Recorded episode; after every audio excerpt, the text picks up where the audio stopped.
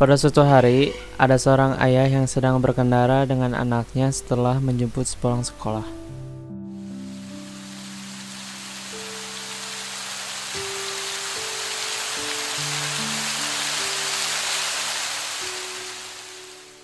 Namun, seketika hujan deras pun turun.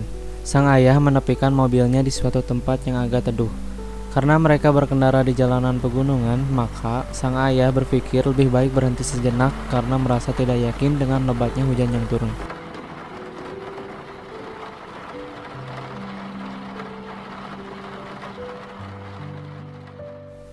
Sembari menunggu hujan reda, sang ayah pun teringat kenangan masa kecilnya saat berkendara bersama orang tuanya di suasana yang sama dan tempat yang sama. 20 tahun yang lalu, saat ayah masih sekolah sepertimu, ayah pulang sekolah dan dijemput oleh kakekmu. Lalu tiba-tiba hujan deras. Namun ayah dan kakekmu tetap melanjutkan perjalanan karena kita menggunakan mobil pada saat itu. Mereka tidak tahu jika hujan deras di daerah pegunungan dapat menyebabkan tanah longsor. Mungkin karena di daerah tersebut tidak ada rambu rawan longsor. Tanpa sepengetahuan mereka, sang ayah dan sang kakek pun kaget. Tiba-tiba terjadi tanah longsor tepat di atas mereka. Mereka pun jadi korban dan tertimbun tanah longsor.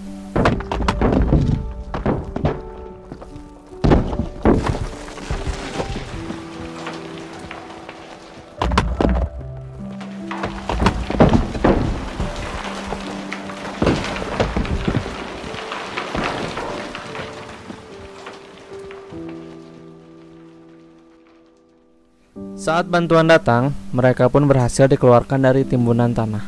Namun, sang ayah harus kehilangan orang tuanya karena sudah terlambat. Sejak kejadian tersebut, maka dibuatlah rambu rawan longsor di daerah pegunungan itu.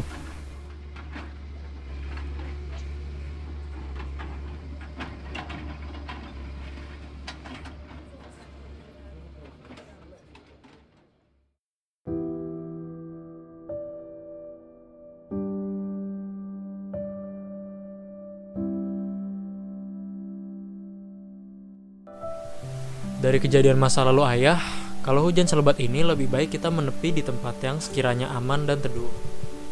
Serta kita harus tahu pentingnya rambu lalu lintas sebagai petunjuk situasi jalanan.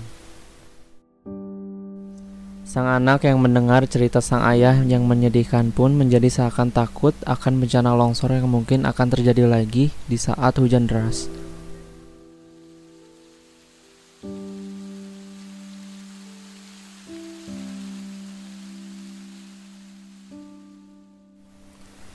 Hujan pun mulai reda, mereka pun mulai melanjutkan perjalanan walaupun masih gerimis. Sang anak yang termenung akan cerita kenangan masa lalu ayahnya bersama kakeknya, yang ternyata belum pernah dijumpai olehnya.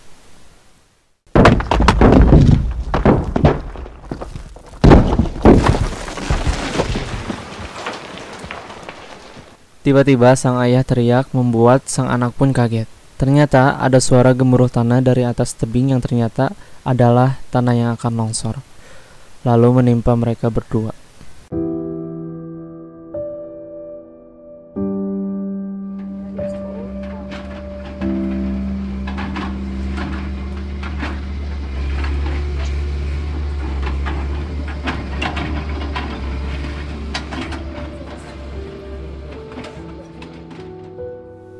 Pada akhirnya, sang anak harus kehilangan ayahnya yang tidak dapat terselamatkan, walaupun tubuhnya berhasil dikeluarkan dari timbunan tanah.